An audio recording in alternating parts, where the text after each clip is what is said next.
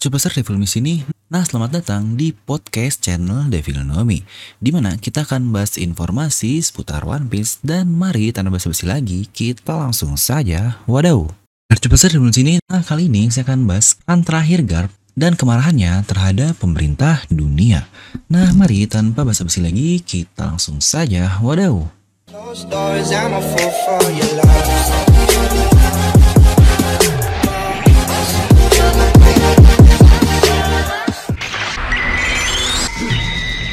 Nah kali ini kita akan bahas karakter antagonis yang sangat em, antagonis sekali. Alias yang aduh bangsat banget lah untuk karakter ini musuh semua orang yaitu Sakazuki alias si anjing merah Asuino Di mana walaupun terlihat kejam dan hanya bertujuan untuk membasmi segala bajak laut atau kejahatan yang ada Tapi karakter ini adalah salah satu karakter yang di build up sangat serius oleh Oda Sensei loh Sakazuki pertama kali diperlihatkan di flashback Nico Robin saat menembak kapal ungsian rakyat Ohara ini. Dengan alasan jika ada satu orang sarjana saja di sana yang berhasil selamat, maka semua usaha dari pertarungan itu atau baser kali yang mereka buat akan sia-sia. Jujurnya itu hal yang sangat masuk akal tapi caranya saja yang sangat ekstrim. Lagi-lagi karakter antagonis ini biasanya mempunyai vision yang sangat baik, tapi mungkin caranya saja yang biasanya sangat ekstrim. Yang pernah saya contohkan seperti Thanos lah bagaimana. Oke, jadi Akainu ini dia memakan buah iblis Magu Magu Nomi. Ini adalah satu dari sedikit buah iblis tipe Logia yang sudah diketahui dan tentu saja dengan kelebihan Logia ini. Buah iblis Logia dia dapat create, become, dan manipulate dari elemennya ini.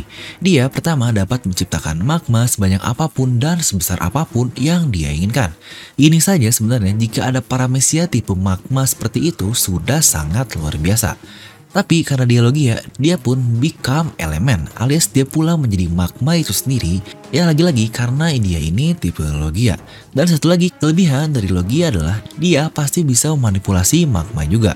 Alias jika ada magma di sekitarnya yang bisa dikendalikan, dia dapat memanipulasi kemampuan magmanya itu. Sebenarnya ini adalah satu buah iblis yang sangat luar biasa Yang sering saya bilang juga sama mengerikannya dengan goro-goronominya Enel Manusia mana coba yang bisa menang melawan dua orang itu? Manusia biasa akan mati jika terkena petir. Manusia bisa juga akan lumar ketika terkena magma. Bahkan panas dari magma Kainu sendiri dapat melemurkan bongkahan es raksasa hanya dalam waktu beberapa detik saja. Bahkan logi lain seperti api dari es ini saja tidak berkutik di hadapan magma dari Akainu. Jadi sangat jelas lah level atau tier dari magma ini di atas dari merah-merah nominya es ya tepat seperti apa yang Akainu ini bilang ke es langsung. Dan dengan luar biasanya juga, damage dari magma Akainu ini, dia bisa melukai seseorang sekali Jinbei dan Ivankov hanya dengan usaha yang sangat minim sekali. Ya, dapat dibilang no effort lah. Dan dalam duel luar biasa dengan Aokiji yang sampai makan waktu berhari-hari, dia bisa mengubah suhu dan temperatur dari satu pulau tertentu hingga permanen. Bahkan masih ada gunung berapi aktif di pulau itu alias di Panghazard lah. Aokiji dan Akainu benar-benar dua orang dengan level kekuatan yang sebenarnya tidak terkirakan. Tapi ingat, pemenangnya adalah Akainu loh. Satu logika sih sebenarnya, karena mereka sudah awak kening buah iblisnya, makanya dapat merubah semua yang ada di sekitarnya seperti itu. Tapi ingat, ini masih asumsi karena awak kening dari Logia kita belum pernah melihat faktanya atau langsungnya seperti apa. Dan menurut Vivrekat juga, di One Piece edisi yang ketiga, Oda sendiri berkata nih, ingat ini kata-kata dari Oda bukan dari saya. Di situ dikatakan, dengan kemampuan pengontrolan buah iblis dan manipulasi lava yang secara bebas, Akainu mempunyai serangan paling kuat dan mengerikan di antara buah iblis yang ada. Maka dari situ saja sebenarnya sudah terkonfirmasi sekali bahwa Akainu memiliki penyerangan yang paling hebat alias offensive damage yang terhebat lah di antara seluruh buah iblis yang ada.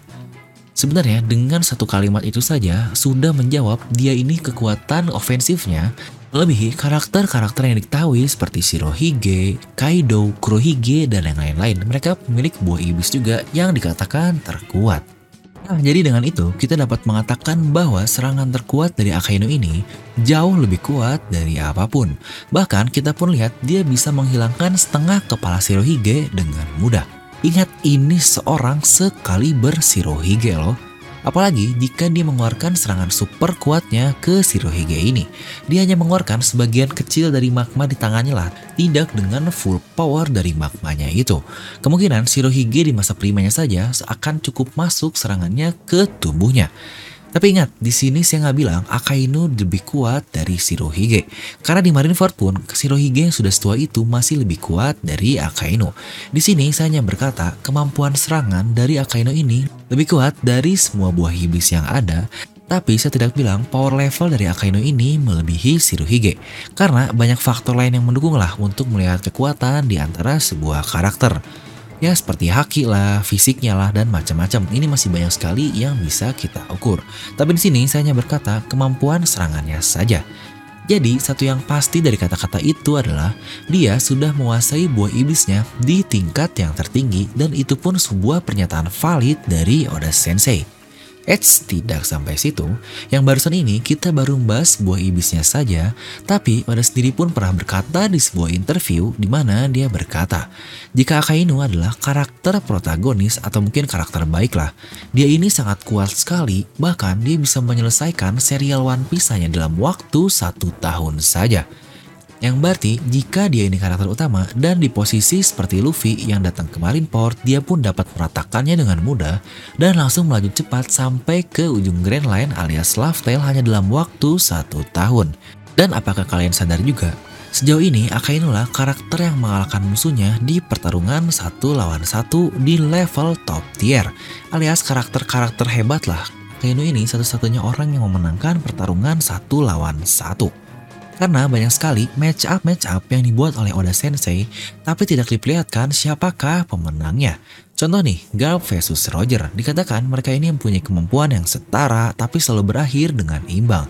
Alias tidak dikatakanlah siapa yang menang di antara pertarungan itu. Yang kita pun tahu kemampuan mereka pasti setara. Serta Roger versus Hirohige pun sama. Tidak ada pemenang di pertarungan antara kedua karakter ini.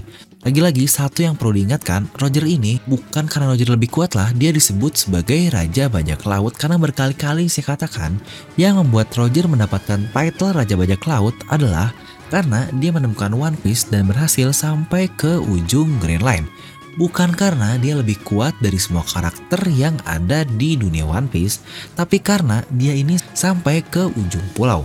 Mungkin itu juga kata-kata yang dibuat oleh Morgan sang jurnalis. Bahkan dikatakan juga dia dari Big Mom pun hanya mencuri poneglyphnya saja, bukan mengalahkan secara utuh di pertarungan yang luar biasa. Ya walaupun saya tetap yakin sih Roger bisa menang walaupun akan sangat sulit karena Big Mom sudah dikenal hebat dari dulu.